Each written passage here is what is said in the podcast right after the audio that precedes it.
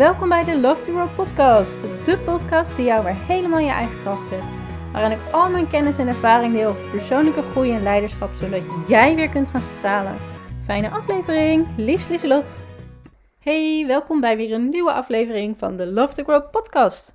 Deze week gaan we het hebben over je mindset en wat jij kunt doen voor het creëren van jouw gelukkigste leven. Ik geef je zeven praktische toepasbare tips die jouw leven in een positieve flow brengen. Waardoor jij kunt gaan aantrekken wat je zo graag wil en waar je echt gelukkig van wordt. Want dat is toch wat we hier komen doen: genieten en gelukkig zijn. Dat is waarom we op aarde zijn en dat is wat we hier mogen komen doen.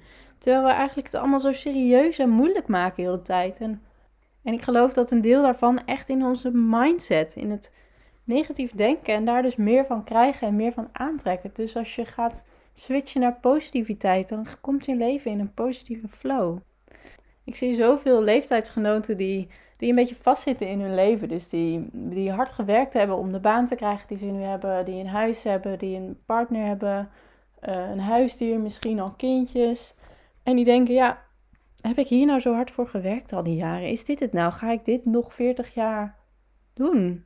Op deze manier, bij deze werkgever en in dit mediocre life. Terwijl ze voelen dat er meer is en dat er meer in zit voor hen. En dat knaagt. Maar er is eigenlijk geen grote aanleiding om, dat, om echt te gaan switchen en daar die energie in te steken. Dus totdat je, weet ik het, burnt out thuis komt te zitten en er wel een aanleiding is. Maar voordat dat gebeurt kun je ook al actie ondernemen en zelf de regie pakken over je leven. Gaan uitzoeken wat er allemaal onder alle jassen zit en alles wat moet en alle verplichtingen en alle, nou ja, alles wat je gecreëerd hebt. En ja, wat er dan van jou overblijft en wat de kern is van wat je hier komt doen. Om jou de kracht van de gedachte even te laten ervaren, wil ik een klein experimentje met je doen. Als geld, tijd en energie geen rol zouden spelen, wat zou je dan het allerliefste willen? Sluit even je ogen en maak een plaatje van jezelf in die allerbeste situatie. Dus maak het zo gek als je wil met alle fantasieën die je hebt. Maak het zoals jij helemaal gelukkig bent. Voeg nu het bijbehorende geluid toe. Als je dat hebt, mag je het heerlijke bijbehorende gevoel eraan toevoegen. En een fijne reuk en smaak als dat van toepassing is. En tot slot een hele krachtige, positieve gedachte.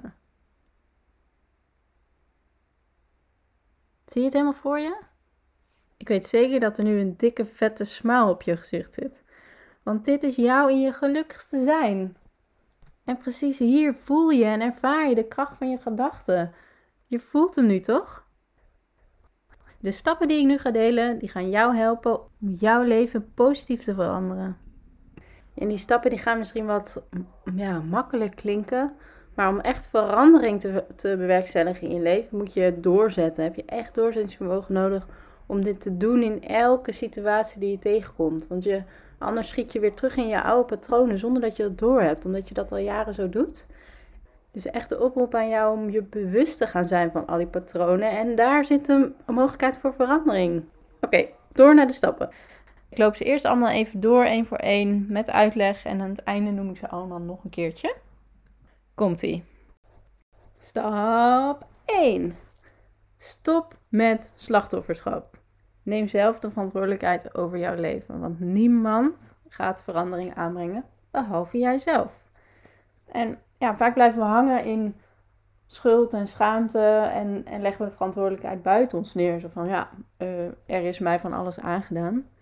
Maar daarmee focus je eigenlijk alleen maar op de negativiteit en het lost niks op. Het zit alleen in jou, het heeft niks met de ander te maken. Het zorgt er alleen voor dat jij niet verder kunt groeien. Dus stop ermee. Wat je wel kunt doen, is kijken of je er een les uit kunt trekken, of je er iets van kunt leren.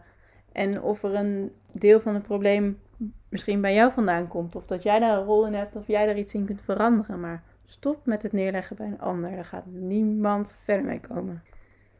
Stap 2. Accepteer waar je nu staat in je leven. Om een nieuwe toekomst te kunnen creëren, moet je eerst accepteren waar je nu bent. En dankbaar zijn voor wat je nu hebt en wat je nu ervaart. Dat je bijvoorbeeld gezond bent, fijne mensen om je heen hebt die om je geven, een dak boven je hoofd hebt. Want hoe vervelend of naar je situatie op dit moment ook is, zie je het als het startpunt van wat er allemaal nog voor moois mag gaan komen. En door nu al dankbaar te zijn voor dat wat je wel hebt, dat helpt je enorm in de shift straks naar positiviteit. En waardeer die kleine mooie dingetjes die je ziet op een dag of die je meemaakt. En focus niet alleen maar op die negativiteit en op wat er niet is en niet goed gaat. Stap 3. Focus op wat je wel wilt in het leven en niet op wat je niet wilt. Dat klinkt natuurlijk een beetje als een open deur, maar dat is wel vaak wat we doen. We focussen ons vaak op wat we niet willen. Ehm, bijvoorbeeld de angst om je baan te verliezen, uh, de angst om geen geld te hebben, de angst om niet aardig gevonden te worden. Al dat soort dingen, daar focus je je eigenlijk dus op wat je niet meer wil. En in veel gevallen krijg je dan dus juist wat je niet wil. Mega zonde toch? Dus zorg dat je scherp hebt wat je echt graag zou willen in het leven. Maak het concreet. Hoe concreter, hoe beter, echt. En wat heel goed kan helpen is het maken van een vision board. Misschien heb je dat al eens gehoord. Maar dan ga je heel intuïtief uit tijdschriften, uit bladen, alle, foto's, teksten, et cetera halen. Die jou aanspreken op dat moment. Die hang je ergens op in je huis waar je iedere dag kunt zien. En zo word je iedere dag weer herinnerd aan ja, dat wat je zo graag wil en hoe jouw leven eruit mag gaan zien. Dat helpt heel erg in die, in die positieve flow en in die positiviteit. Stap 4. Omring je met positiviteit. Hou eens een week voor jezelf bij welke factoren jouw stemming beïnvloeden op een dag. Welke situaties, mensen, gebeurtenissen een positieve dan wel negatieve invloed hebben op jouw stemming en gedrag. En bekijk dan wat van het positieve je meer kunt doen en wat van het negatieve je kunt vermijden. Zo kijk ik zelf bijvoorbeeld geen nieuws meer. Belangrijke dingen krijg ik toch wel mee. Maar ik merkte dat het nieuws gewoon een heel negatief effect had op mijn uh, mind en mijn view op de wereld. Omdat er zoveel negativiteit en narigheid gedeeld wordt. Maar het kan ook zijn dat bepaalde vrienden of familieleden gewoon altijd heel negatief zijn. Waardoor je die, ja, dat contact misschien even kunt beperken. Zodat jij wel in die positiviteit en die flow kunt blijven. Wat ook kan helpen en ook vooral heel leuk is, is dingen te doen waar je echt lol in hebt of echt leuk vindt. Bedenk eens waar je vroeger echt uren zoet mee kon zijn, waar je de tijd helemaal vergat en waar je helemaal in je element was. Misschien kun je dat weer oppakken. Misschien was het voor jou dansen of zingen of spelen of klauteren. Maakt niet uit.